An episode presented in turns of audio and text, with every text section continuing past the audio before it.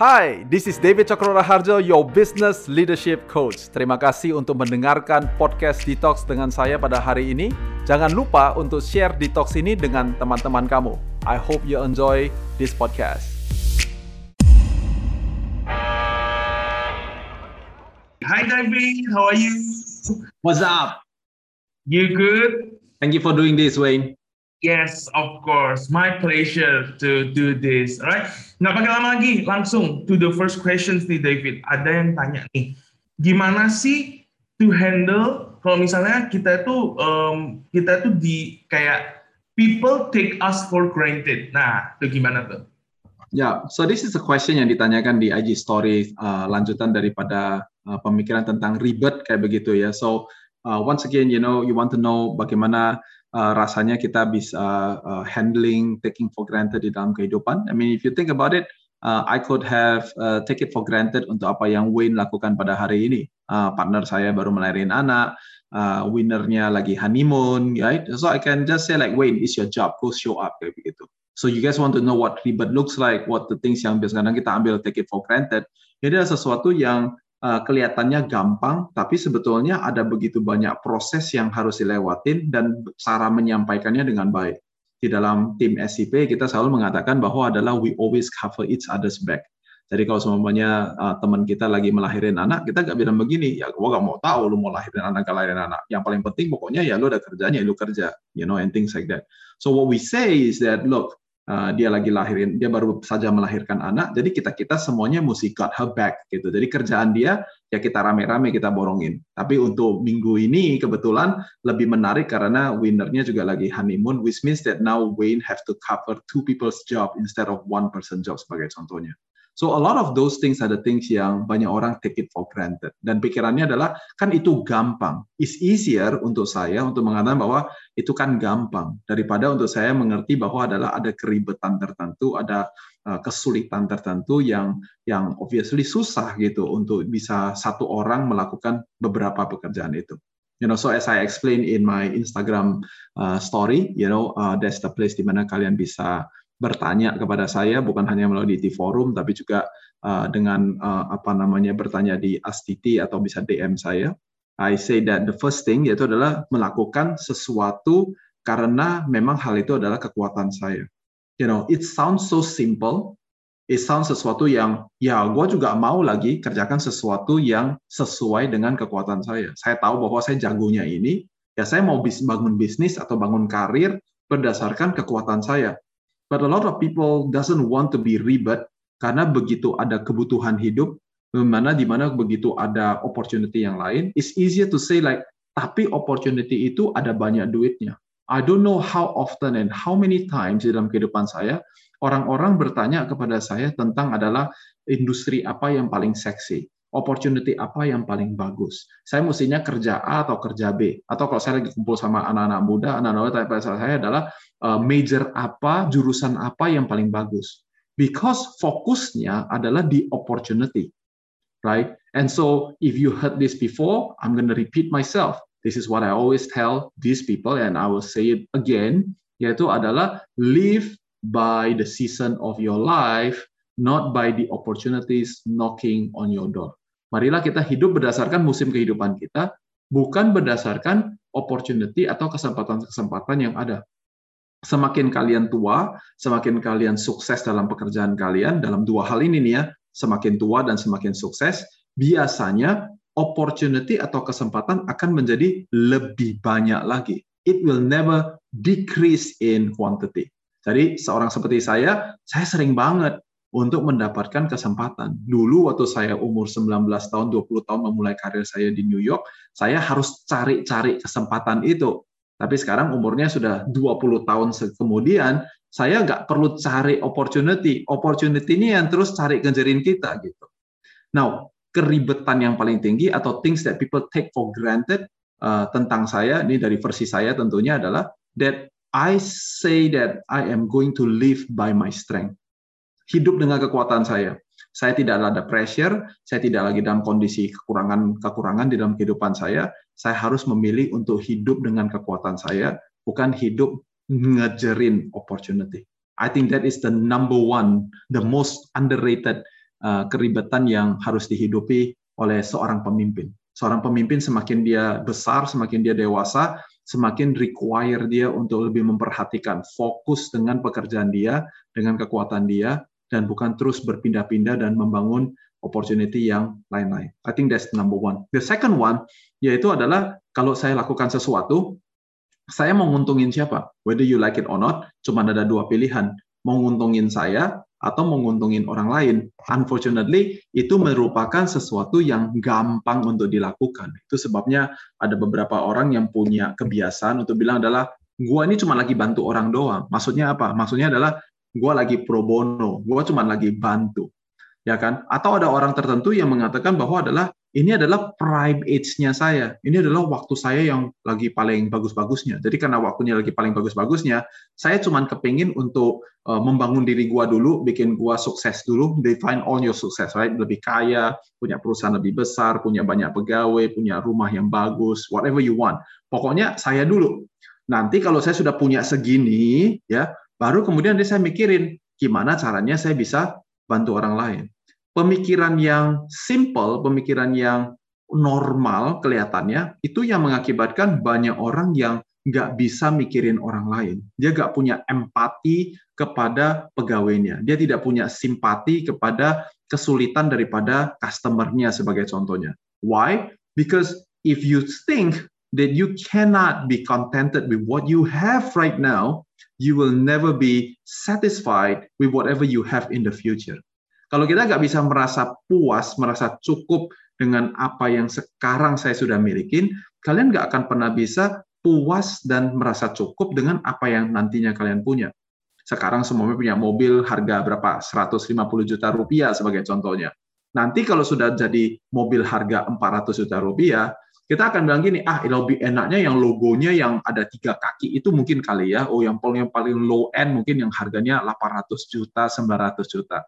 Udah dari sana terus saya bilang gini wah tapi mobil ini keren juga ya. Sekarang kita mau punya mobil yang sama merek yang sama tapi kita mau punya dua.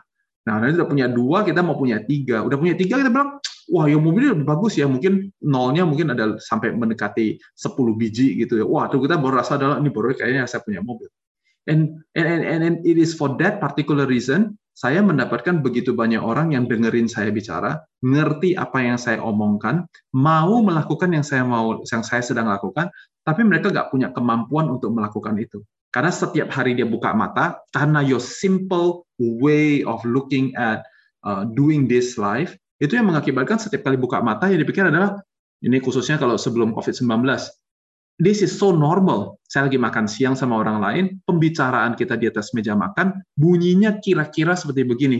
Wah, nanti bulan 4, bulan 5 ya, kita mau pergi ke, ke, ke negara X gitu ya, kita mau melihat bunga-bunga yang akan muncul seperti begini ya. Nah, itu udah dipikiran. Nah, tempat yang mau dipergi itu udah punya beberapa ratus juta atau bahkan mungkin saat beberapa miliar rupiah punya uh, uh, pengeluaran sehingga dari Januari, Februari, Maret cuman sibuk kerja cari opportunity supaya apa? Supaya saya bisa pergi ke situ. Nanti kalau sudah selesai dari sana mikirin bulan 8, habis bulan 8 mikirin bulan 12. Sehingga nggak terasa 365 hari lewat semuanya. Nah ini nih, banyak orang yang mikirannya terlalu gampang, nggak mau ribet. And I think that things that people take for granted about the things that we do, yaitu adalah kita punya satu uh, satu balance atau sebuah integrity dengan pemikiran tentang melakukan sesuatu yang menguntungkan orang lain dan kemudian juga menguntungkan diri saya. Nah, we always try to do that as much as we can supaya kita gak itu dan itu pemikirannya sangat susah. Saya masih manusia biasa yang kalau semuanya lihat orang lain punya mobil yang lebih baik daripada saya, saya masih bisa merasa kayak wow mobilnya bagus juga ya, and bisa ada punya kepinginan untuk bilang adalah let's do it gitu. But I understand that it is dari zaman dulu, dari zaman orang tua kita sampai zaman kita dan zaman anak-anak kita dan zaman anak-anak mereka tidak akan pernah berubah until kita mau melatih diri kita. And we don't longer take for granted what we have today, apa yang sekarang ini kita sudah punya, kita gak lagi take it for granted. Dan kemudian kita mau lebih ribet untuk berpikir tentang kehidupan kita, kita tidak akan pernah bisa keluar daripada the so-called lingkaran setan ini. Udah kita putar terus di situ. 365 hari lewatnya begitu-begitu aja.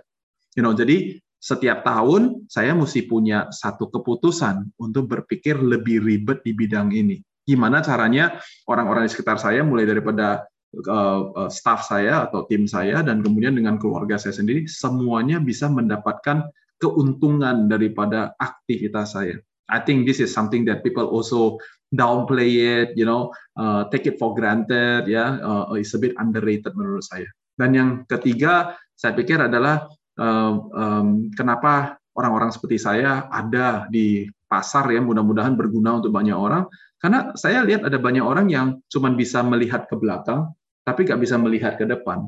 Ada orang yang cuma bisanya lihat ke depan dan menelantarkan apa yang di belakang. And this is a very dangerous game to play in my opinion, um, uh, banyak orang yang melihat cuma ke belakang. Ke belakang itu biasanya cuma ada dua.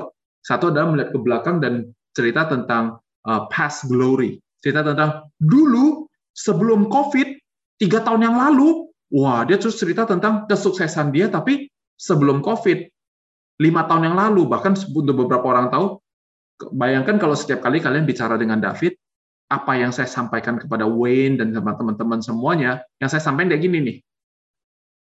20 tahun yang lalu, pada saat saya masih umurnya masih 20 tahun, di kota New York, umur 20 tahun, waktu masih uh, single, belum punya anak. If I keep on talking to you about my past glory di 20 tahun yang lalu, itu sebabnya saya pikir kalian tidak boleh follow saya dan jangan dengar saya. Karena bukannya itu berarti tidak berhasil, bukan berarti itu tidak berguna, tapi itu adalah informasi 20 tahun yang lalu. We need to live in the present time and lose see you on the future. Tapi banyak orang yang uh, apa namanya nggak mau ribet. Dia cuma pikir adalah 20 years ago I did it and it was successful, so it has to work now. Karena dulu berhasil, jadi sekarang ya pasti berhasil. Pokoknya lu dengerin aja kayak begitu. Atau kalau kita lihat ke belakang juga ada yang namanya failures, ada namanya kegagalan atau kesalahan atau kelalaian, you know, or whatever you want to call it. Dan banyak orang yang tidak bisa maju dalam kehidupan mereka karena mereka melihat ke belakang, mereka melihat kelalaian mereka, mereka melihat kesalahan mereka, kegagalan mereka, dan itu membuat mereka menjadi paralyzed dan tidak bisa maju ke depan. Lihatnya selalu dengan gentar, lihatnya dengan aduh, lihatnya dengan aduh gitu lagi gitu lagi you know all those self things. And that is very very very dangerous right? Nah tapi tentu sekali lagi saya bilang ada orang lain lagi yang nggak mau ribet dia lihatnya adalah yang di belakang the past is in the past man. Dan kemudian dia lihat ke depan. Dan dia cuma lihat dengan uh, sebuah antusiasme atau dengan sebuah uh, apa namanya confidence tapi tanpa melihat ke belakang. Itu yang saya pikir um, apa namanya um, uh, orang yang terlalu simpleton yang nggak mau mikirin sesuatu secara ribet. Nah, karena kalau kita cuma hanya melihat ke depan, kita nggak lihat ke belakang, artinya kita nggak belajar sesuatu. Very very often dan mungkin sebagian dari kalian sudah pendengar saya cerita seperti ini. Uh, kalau ada orang di C level, khususnya di C level yang saya hire, saya selalu bertanya. Salah satu pertanyaan terpenting saya sebagai penutup saya tanya adalah what what what uh, what mistakes and what failures, kesalahan dan kegagalan apa yang kamu sudah pernah alami di masa lalu? I want to know. Dan uh, kalau orangnya bilang begini, gak ada. Nah, itu bisa dua alasan. Bisa yang pertama adalah dia malu untuk kasih tahu atau dia ada alasan kenapa dia gak mau kasih tahu saya. Atau dia benar-benar merasa bahwa dia tidak pernah gagal. Orang yang tidak pernah gagal dan mau direkrut untuk di level C level, itu buat saya adalah resiko yang sangat tinggi sekali. You know why? Because as I said before, if you want to be rich in life, you want to be rich in your perspective and you want to be rich in your adversities. Adversities itu muncul karena saya pernah gagal, karena pernah ngalamin kesulitan yang parah waktu kemarin-kemarin itu. And it is for that particular reason, saya bisa belajar sesuatu. Kalau nggak pernah ngalamin jatuh, nggak pernah ngalamin sakit, itu artinya adalah maju ke depannya itu seperti punya kaca gitu loh. Kena disentil sedikit bisa pecah semuanya. And that is a very dangerous thing.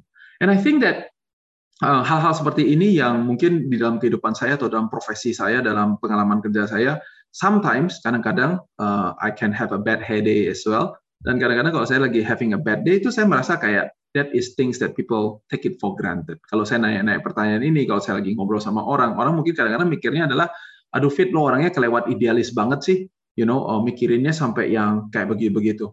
you know but um, that's the uh, reason why I can do what I can do karena I'm quite adamant. Saya mau uh, hidup yang sesuai dengan kekuatan saya bukan cara mencari opportunity-nya tapi opportunity yang memang juga sejalan dengan kekuatan saya. Itu yang pertama. Yang kedua adalah menguntungkan orang lain dan kemudian juga menguntungkan diri saya you know saya mau customer saya satisfied saya mau employee saya bertumbuh dan obviously saya secara keuntungan baik secara finansial, secara moral, secara status, secara nama baik. I also want to do good at it.